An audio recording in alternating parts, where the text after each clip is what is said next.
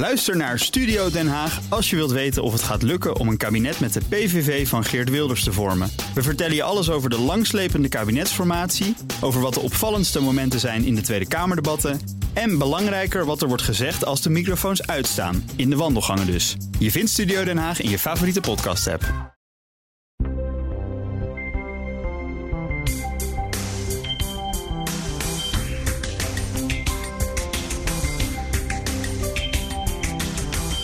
Mikken om te raken.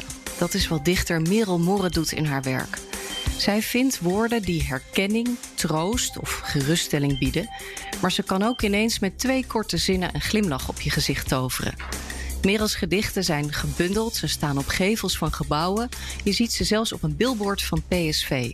Je luistert naar de 15e woordwaarde. Ik ben Maria Punch. Mijn gast, dichter en tekstschrijver Merel Morre. Hi Merel. Hallo. Wij spreken elkaar vanuit onze thuiskantoren vanwege corona. Uh, jij in Eindhoven hè, en ik in Amsterdam. Ja. Um, is thuiswerken iets wat jij al lang gewend was? Ja, dat wel. Ik zelf werk inderdaad al een paar jaar uh, volledig thuis. Maar um, dat de rest van het gezin ook uh, veel meer thuis was, was wel nieuw. En heb jij dat als uh, mooi ervaren? Sommige mensen zeggen, nou, ik, uh, ik vond die periode eigenlijk wel speciaal dat de kinderen thuis waren. En, uh, maar andere mensen zaten echt wel ja, met de nou, handen nou, in het haar. Meer, ja, ik ben meer de laatste categorie hoor. Dat ik dacht, oh man, wanneer ben ik weer eens alleen? En kan ik gewoon even staren zonder dat ik meteen word aangesproken. Is er nog brood? Uh, kun je me even helpen met dit? Of ja, ik vond het wel uh, vooral heel veel door elkaar gaan lopen. Maar inderdaad ook wel leuk om een beetje meer mee te krijgen van uh, mijn kinderen zijn 16 en 14. Dus die zitten op de middelbare school en dan krijg je wel net iets meer mee van hoe zo'n les dan gaat. Of waar ze op dat moment mee bezig zijn dan wanneer ze hele dagen buiten de deur zijn. Dus dat is wel ook iets leuks geweest. Ik vond het zelf grappig dat ik nu bijvoorbeeld de docenten hoorde ja. aan het lesgeven. Ja. Als uh, mijn zoon met, uh, van 13 met de laptop uh, in de kamer zat. Ja. En dacht ik, oh, klinkt die juffrouw Nederlands zo. Ja, grappig is dat. Dat heb ik ook gehad, ja. Ja, en jij bent dus gewend hè, om thuis te werken. Ben jij ook iemand die um, ja, hè, om negen uur met koffie, laptop open? Of wat is jouw werkritme? Nou, eigenlijk wel, ja. Ik, uh, ik hou me daar behoorlijk goed aan de gewone kantoor uh, uren. Hoewel uh, ik hier ook vaak te horen krijg, je bent altijd aan het werk, mam. Uh, dus in het weekend en in de avond zit ik er ook wel vaak nog bij met laptop. Maar ik kan bijvoorbeeld ook een aantal ochtenden per week eerst in de sportschool staan. Nu dat nog kan. Dat is gelukkig weer aan de hand. Ja. Um, dus, dus heel vaak begint mijn dag ook met juist sporten. En dan pas een uur of twaalf dat ik aan het schrijven ga. En als jij dan nog in het weekend of s avonds zit te werken, is dat omdat er een dwingende deadline is? Uh, dat kan. Uh, of omdat ik inderdaad zelf de vrijheid heb genomen mijn dag heel anders in te richten. Uh, met iets sociaals of sporten of wat dan ook. Of soms in mijn vrije werk zeker als de actualiteit daar een beetje om vraagt. Dus als er bijvoorbeeld aan het begin van deze coronatijd een persco was. Dan zat ik wel daarna uh, te kijken of ik daar iets mee kon in een gedicht. Dus dan ja, is dat eigenlijk de aanleiding die gewoon op dat moment zo belangrijk is voor mijn gevoel dat ik er ook meteen voor ga zitten. Nu je dat zegt, inderdaad. Uh, jij hebt een paar weken geleden een gedicht gemaakt getiteld Meneer Gommers. Ja. Dat kan er maar één zijn. Dat is een, uh, een, een, nationale bekendheid. Hè? Diederik Gommers, de mm. IC-arts. Kun je eens vertellen hoe dat gedicht dan ontstaat? Je zit inderdaad die persconferentie te volgen. Misschien ga je door je Twitter-feed en dan? Nou, dit was uh, naar aanleiding van zijn uh, uh, gesprek bij Jinek met Femke Louise. Ja. Dus zijn rol eigenlijk in dat gesprek die hij nam. En ja, dan ik zit me daar dan gewoon als kijker natuurlijk los van wat ik schrijf, gewoon over te verbazen en verwonderen hoe, hoe goed hij weet te luisteren en het eigenlijk opneemt voor haar, terwijl zij en plein publiek niet haar allerbeste kant misschien liet zien, maar daar toch, uh, hij, hij weet er dan toch doorheen te prikken en uh, de ruimte eigenlijk te bieden aan haar. Nou, dat vond ik zo mooi en dat zag ik inderdaad ook voorbij komen op uh, de social media, dat heel veel mensen dat zo hadden gezien. Dus de volgende ochtend stond ik eigenlijk meteen op met het idee: hier, um, ja, hier, hier, moet ik even over schrijven. En toen heb ik het mhm. ook echt in een half uur geschreven. En is dat ongebruikelijk voor jou om iets in een zo korte tijd te maken? Nee hoor, dat, komt wel vaker voor, maar ehm, vaak laat ik het dan alsnog wel even liggen, sudderen en kan er daarna nog uh, iets aan veranderen. Dus nu wilde ik het ook snel delen. En, en ik sta er ook nog steeds achter hoor. Maar, dus het zit niet altijd zo dicht op elkaar dat ik het en zo snel maak en zo snel de wereld instuur. Want de context, de meeste mensen hebben het denk ik wel meegekregen, maar uh, Femke Louise is een influencer. Mhm. En um, zij haakte aan bij een initiatief uh, Ik doe niet meer mee, of hashtag Ik doe niet meer mee. Um, een kritisch geluid. Uh, vat ik het maar even zo samen, op het uh, coronabeleid. Uh, dat kwam haar inderdaad op heel veel kritiek te staan. En zij zat bij Jinek aan tafel tegenover Diederik Gommers en uh, de Rotterdamse burgemeester Abu Taleb. Ja. dat je denkt, nou, dat is eigenlijk um, geen partij. ja. dat, ja. Zou je het gedicht misschien anders willen laten horen? Ja. Meneer Gommers, tussen de hashtags door hoort u de echte vraag de echte wens. Tussen de rebels door ziet u de echte angst, de echte mens. Zonder trucje, zonder tactiek besluit u de ander te horen, de ander te zien. Binnen de regels weer samen, misschien. Ja, mooi. Dank. Dit heeft hij ook gezien, hè? Ja, ja heel leuk. Ja, via LinkedIn, tenminste dat is wat ik het meest concreet weet. Iemand had contact met hem en uh, ja, die heeft gewoon uh, hem erop gewezen. En hij heeft me daarvoor bedankt. Dus nou ja, dat is extra leuk natuurlijk. Je haakt hier dus direct aan op de actualiteit. Is dit um, jouw commentaar op de wereld ook? En naast een, een ode aan uh, de manier waarop Diederik Gommers dat gesprek voerde met Femke Louise? -hmm. Ja, ik herken nog niet zo het woord commentaar, want dat is natuurlijk wel, of het is wel een soort mijn, mijn reflectie in ieder geval op wat er speelt. Maar ik denk dat als ik zo over dat soort actualiteit schrijf, um, heb ik wel altijd meteen ook uh, de neiging dus om het te delen. En dat doe ik via social media met name. En dan vooral Twitter is daarin een grote, daar heb ik veel bereik. En um, dan, dan heeft het ook altijd wel uh, inzicht dat ik hoop dat mensen het gaan herkennen. Of dat ze denken, oh nou, hè, fijn. Dit is even precies wat ik ook ervaar bij wat er nu speelt. En um, dat, dat vind ik prettig om nu te zien. Dus dat is altijd iets minder dat ik heel erg mijn mening wil geven. Dat, dat zit er niet zo in. Maar eerder gewoon van, wow, dit roept het bij mij op. En daarin heb ik dan het idee dat het hopelijk voor anderen ook zo geldt. Hmm. Maakt um, deze tijd waar we nu in zitten, met corona dat je op een andere manier gaat dichten? Of gaat veel van je werk daar nu over?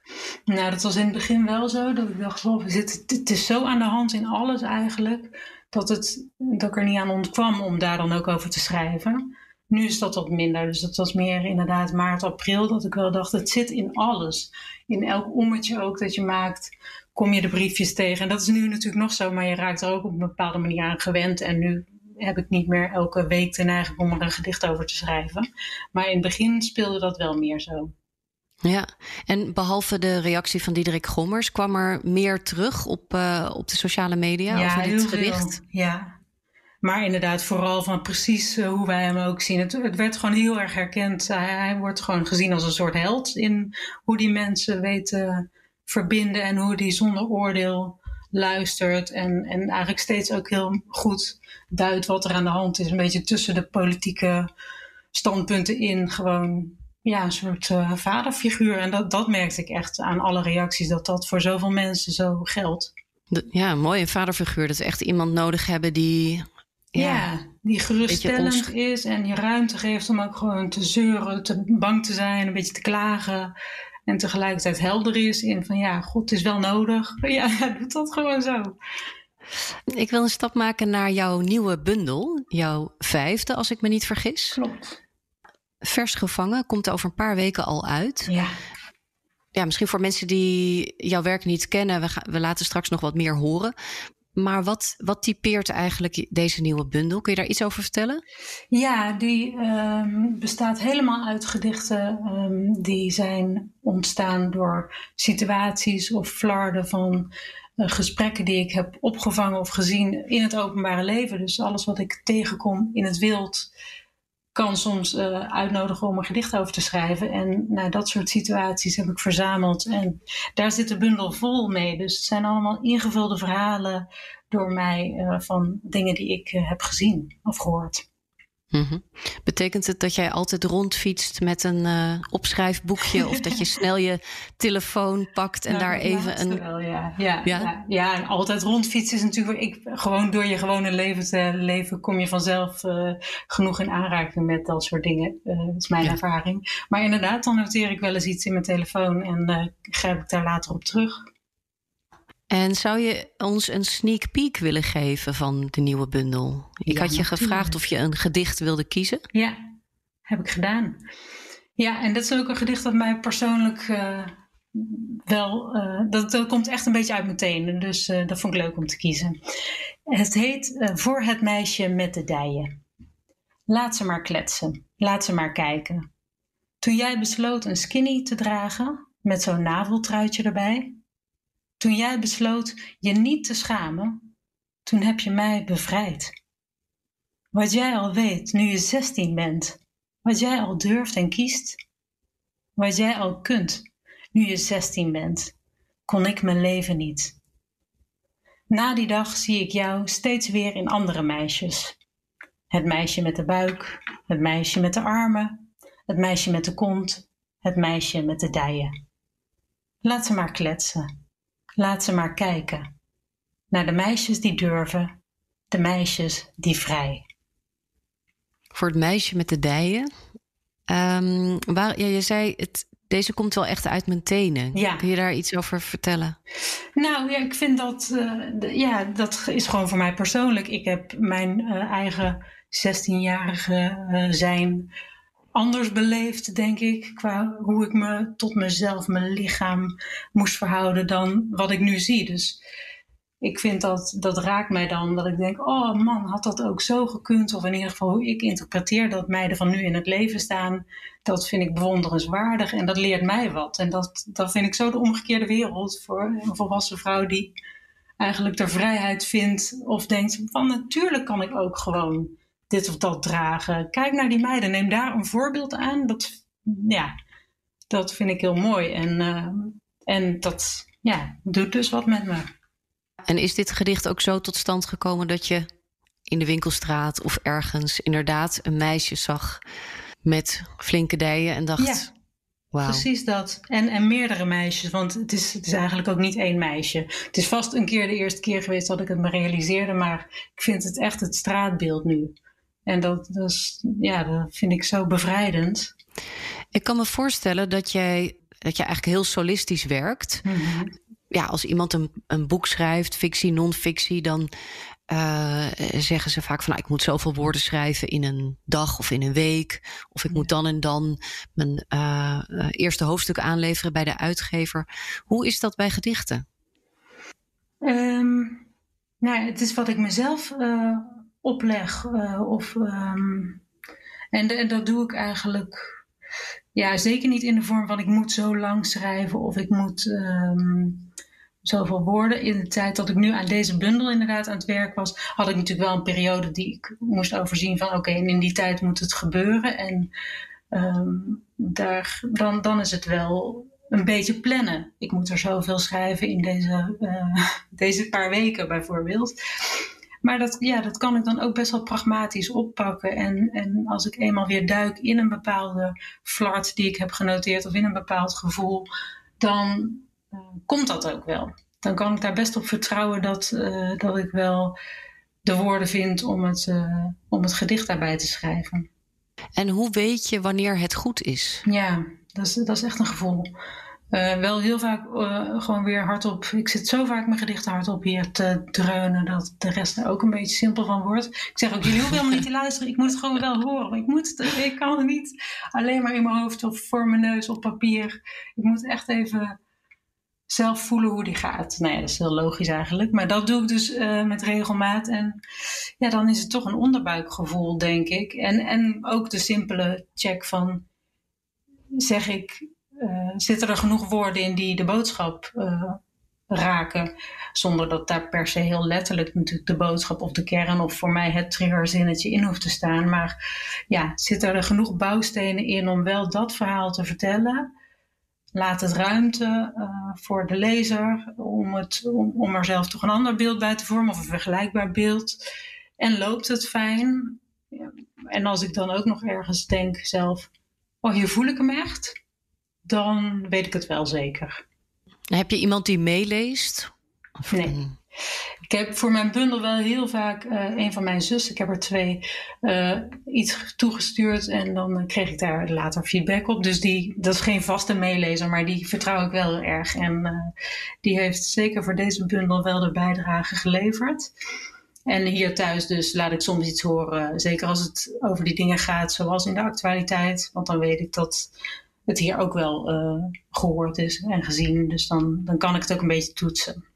Ja, en sta je dan echt uh, bijvoorbeeld de vaatwasser uit te ruimen en je gedicht, zoals je zei, van ik moet het gewoon hardop zeggen? nou, dan, dan moet ik hem wel nog echt voor mijn neus hebben om op te lezen. Ik ken hem niet uit mijn ja. hoofd, maar inderdaad wel gewoon tussen de dingen door, ja. Of tussen uh, hun gesprekken door, ja, zeker. Want een gedicht is in eerste instantie bedoeld voor papier. Ja. Of print. Vind ik wel. En tegelijkertijd uh, zit er cadans in, hmm. ritme, ja. uh, rijm misschien. Dat vraagt ook wel weer echt om het te horen. Ja, maar ik, ja, dat, ik denk dat je een tekst altijd, als je hem leest, op een bepaalde manier hoort in jezelf. En uh, dat is misschien met een, een, een, gewoon een roman lezen iets minder zo. Dan, dan, dan weet ik eigenlijk niet. Dus moet ik bij mezelf checken of ik dat dan in mijn hoofd helemaal zit te horen. Maar zeker bij een gedicht, hoe je het ook leest, uh, dat is in stilte, maar je hoort het toch. Dus dat moet wel kloppen. En, en zeker ook om, om iets bijvoorbeeld een dubbele betekenis te geven, een zin of een strofe waarin dat zo moet zijn moet je gewoon kijken, zitten de afbrekingen goed? Uh, is het nodig dat die zin op een nieuwe regel komt? Want anders pak je die tweede betekenis niet bijvoorbeeld. Of dan maak je ze te veel aan elkaar waardoor je die weghaalt. Nou, dat soort dingen zijn wel keuzes. Je hebt een achtergrond in uh, theater, althans je hebt de theaterschool gedaan. Uh, en ook een communicatieopleiding. Was het voor jou duidelijk dat, dat het schrijven zou worden? Of heb je ook, had je ook de ambitie om bijvoorbeeld op toneel te staan? Daar begon ik wel mee, ja zeker. Toen ik uh, 18 was, 17, 18, toen had ik besloten, ik wil naar de toneelschool uh, na mijn uh, middelbare school. En, en wilde ik, nou, ik wilde regisseren. Dus op het toneel staan iets minder, maar er was nog niks met schrijven. Uh, terwijl ik dat wel ook op de middelbare school zo voor gewoon de vakken of de wat vrijere vakken wel met plezier deed. Maar niet in mijn eigen tijd was ik absoluut geen schrijver. Ik schreef geen gedichten en dat is echt pas gekomen juist na mijn eerste studie, dus de toneelschool, toen ik besloot, nou daar wil ik toch niet echt nu iets mee doen. Ik heb het wel afgemaakt, maar er eigenlijk nooit uh, mijn werk van gemaakt.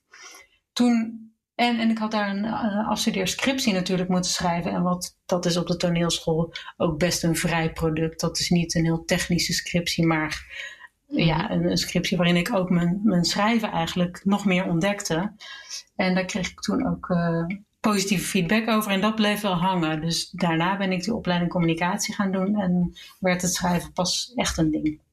Je hebt ergens gezegd dat het je heel veel tijd of jaren heeft gekost om jezelf hardop dichter te noemen. ja, ja. Wa waarom? Um, omdat uh, best een. Uh, ja, wanneer ben je dan een dichter? Dat, dat weet ik gewoon niet zo goed.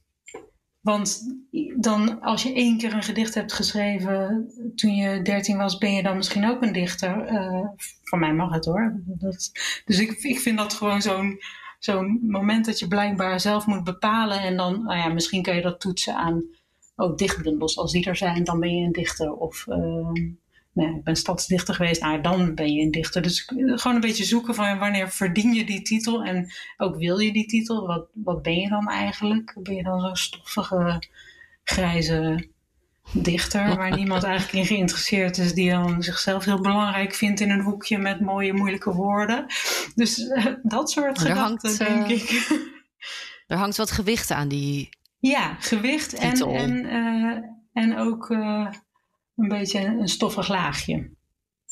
Nou, ik denk dat je dat bij deze wel uh, hebt afgeschud. ik heb ook besloten, dat moet er helemaal niet op zitten. Dat is puur mijn eigen aanname die er blijkbaar van ooit aan zit. En die moet ik andere dichters niet geven en mezelf ook niet. Nee, nee. Um, we hadden tot nu toe over jouw eigen werk. Um, maar jij doet ook veel werk in opdracht. Mm-hmm. En soms komen mensen bij jou met um, ja, een hele ja, precaire vraag. Mm-hmm. Of um, ja, ze hebben een kind verloren of een partner verloren. En willen graag daar een gedicht voor. Ja. kun je vertellen hoe je dan te werk gaat? Ja, dan wil ik het verhaal uh, weten, uiteraard. En meestal doe ik dat door een aantal vragen, denkrichtingen, onderwerpen al aan te geven. Want fijn als je hierover vertelt, fijn als je daar uh, meer over deelt. wat zijn de woorden die je opkomen? Dus dan vraag ik best wel gericht naar een hele berg input zodat ik veel in handen heb. Het liefst dus op papier, zodat ik heel veel terug kan kijken en kan combineren met elkaar. En ook precies weet, hoe formuleert diegene dat nou zelf? Want dat zegt natuurlijk heel veel over hoe iemand het ook beleeft en welke woorden voor hem heel erg raak zijn, hem of haar. Dus dat, uh, dat is dan mijn input. En uh, eigenlijk werkt het dan uh, ook altijd wel zo dat iets mij heel erg triggert. Of dat ik denk, oh hier gaat het echt om. Dat lees je gewoon terug in, in zo'n verhaal van, oh dit is zo'n belangrijk zinnetje. Of dit nou ja, is wat iemand daarbij heeft beleefd. En daar kan je dan goed op door. En dan ga ik schrijven en toetsen aan alle informatie. Maar ook gewoon weer aan dat onderbuikgevoel van, klopt dit nou? En als, je, als ik me inleef in diegene, zegt dit dan wat het moet zeggen. En ga ik ermee terug. En dat is heel spannend altijd. Want dan uh, is het even zo, hangt het in de lucht ergens tussen mailboxen. En moet ik afwachten of het raak is. Ja, ik kan me voorstellen bij een, uh, ja, een veel meer zakelijke opdracht. Of een, uh, dat je voor, een, uh, voor de seizoensopening van PSV iets maakt. Mm -hmm. Dat is natuurlijk niet vergelijkbaar met uh, ja, wanneer het om groot persoonlijk verlies gaat. dus bij een zakelijke opdracht um, kan een versie gewoon nog even twee keer heen en weer gaan misschien. Of, ja.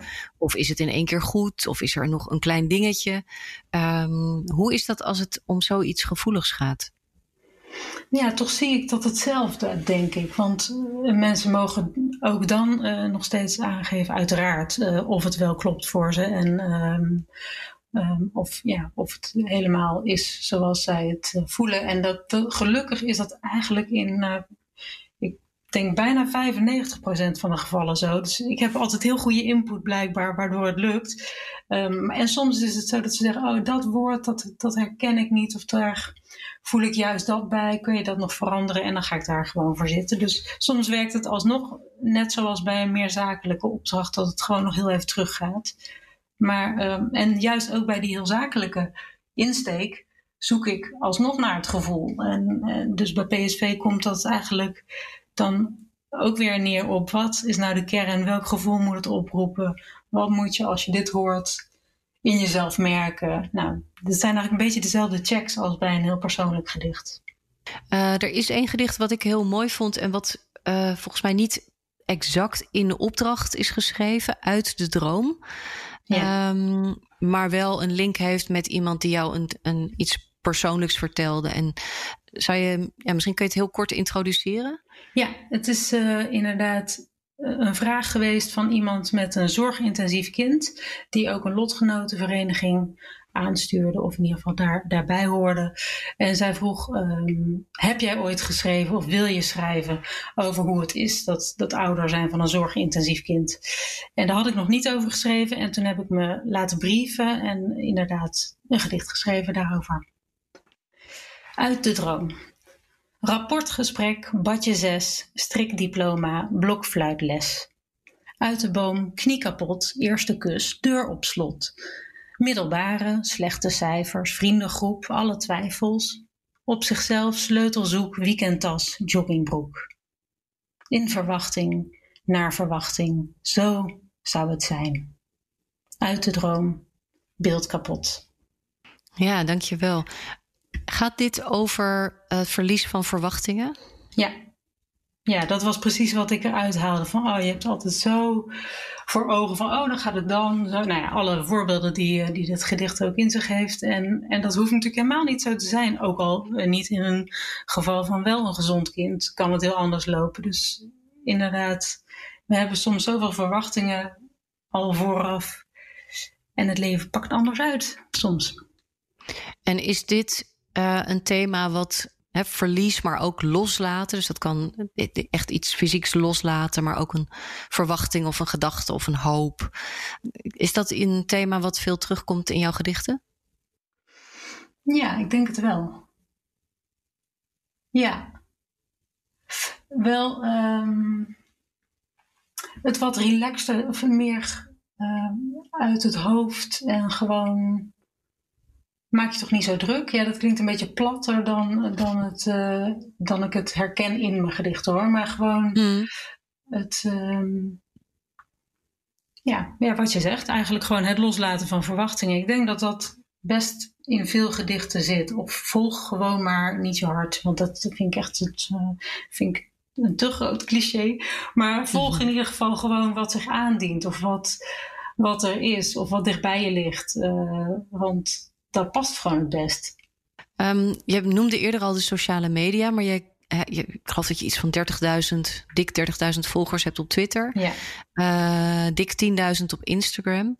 Uh, dus je krijgt dingen terug van mensen voor wie je iets gemaakt hebt, mhm. maar ook van mensen die jouw werk lezen. En um, heel vaak gaat dat toch om troost. Of dat mensen uh, waarde halen uit jouw gedichten. Ja. Is dat een soort rode draad? Uh, nou, het is in ieder geval inderdaad wat ik het meest terugkrijg uh, als mensen iets laten weten. Van um, ja, herkenning, troost. Het heeft echt iets voor me betekend. Ik zie dit daar en daar altijd. Of ik kijk zo vaak even daarnaar. Dus ja, de, de waarde die het gewoon in, in een soort dagelijksheid voor mensen kan hebben, dat is misschien wel een rode draad, ja. In ieder geval wat ik veel hoor. En wat betekent dat voor jou? Uh, erkenning. ja. ja, in ieder geval dat, dat, ik vind dat super mooi natuurlijk dat het zo werkt en, en dat mensen ook de moeite nemen om me dat te laten weten, want dat hoeven ze natuurlijk ook niet te doen, dus dat is ook heel tof. Um, maar ja, en, en ik verwonder me daar ook iedere keer weer over dat de dingen die ik in een bepaalde volgorde heb gezet, en de wereld in heb gestuurd, dat die echt een rol kunnen krijgen in, in hoe mensen zich even voelen. Of uh, dat die echt van betekenis kunnen zijn. Dat, dat vind ik gewoon uh, wonderlijk en, en heel erg gaaf.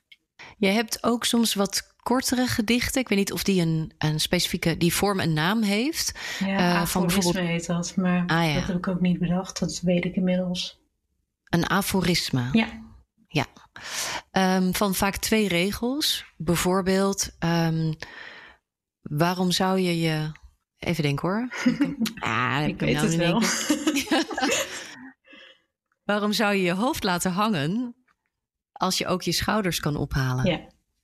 En dat zijn eigenlijk dus misschien het type gedichten zoals je net noemde van uh, het, maak het niet te zwaar of weet je wel. Um, mm -hmm.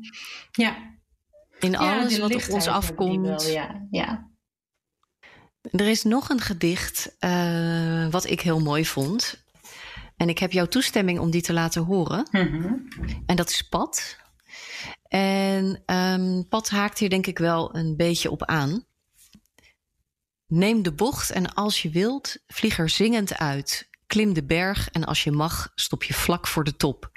Volg de lijn, als het je past, blijf je steeds erbinnen. Dwaal doorlopend, als je botst, verleg en laag je lat. Maar blijf in godsnaam op het echte en niet het rechte pad. Um, ik dacht, wauw, dit gedicht had ik wel um, tien jaar geleden of zo willen lezen. ja. Maar ook recenter nog. Ja. Um, ik vind het heel aanmoedigend.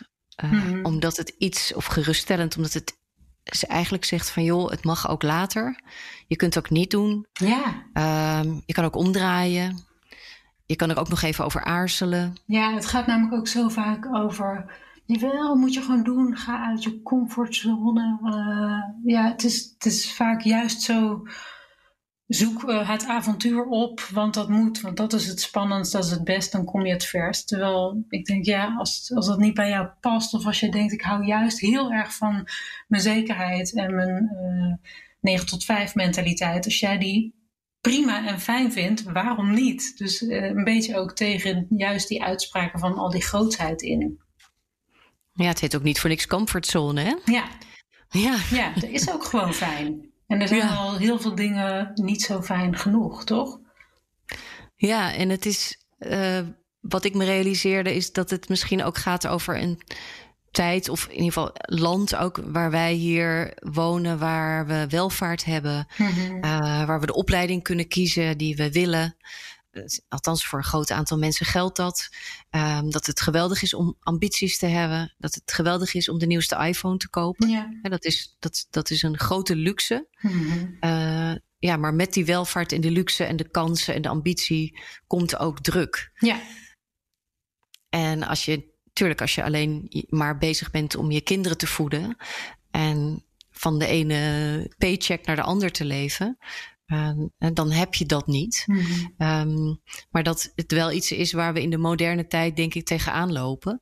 Uh, en ja, niet voor niks zitten mensen natuurlijk toch met een burn-out thuis. Of uh, ja, precies. zoeken, ja, zoeken grenzen op of gaan daar overheen. En dat is het dan ook weer niet waard. Nee.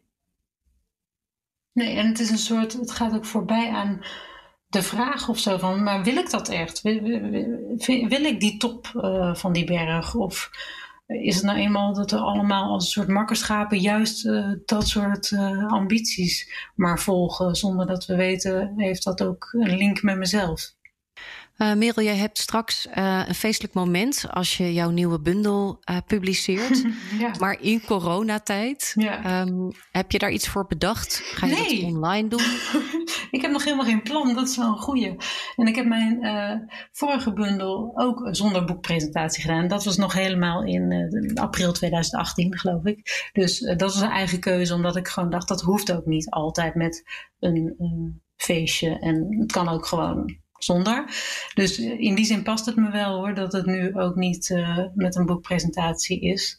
Maar ja, ik zal er wel iets over willen delen. Dus hoe ik dat ga doen, dat weet ik nog niet. Nou, in ieder geval heb je uh, de luisteraars van Woordwaarde een, uh, een hele mooie alvaste voorproefje ja. gegeven. Dank je wel voor dit gesprek, Merel Morre. Heel graag gedaan.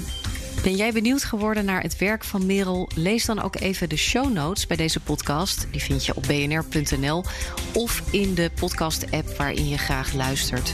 Dankjewel dat je erbij was en tot de volgende.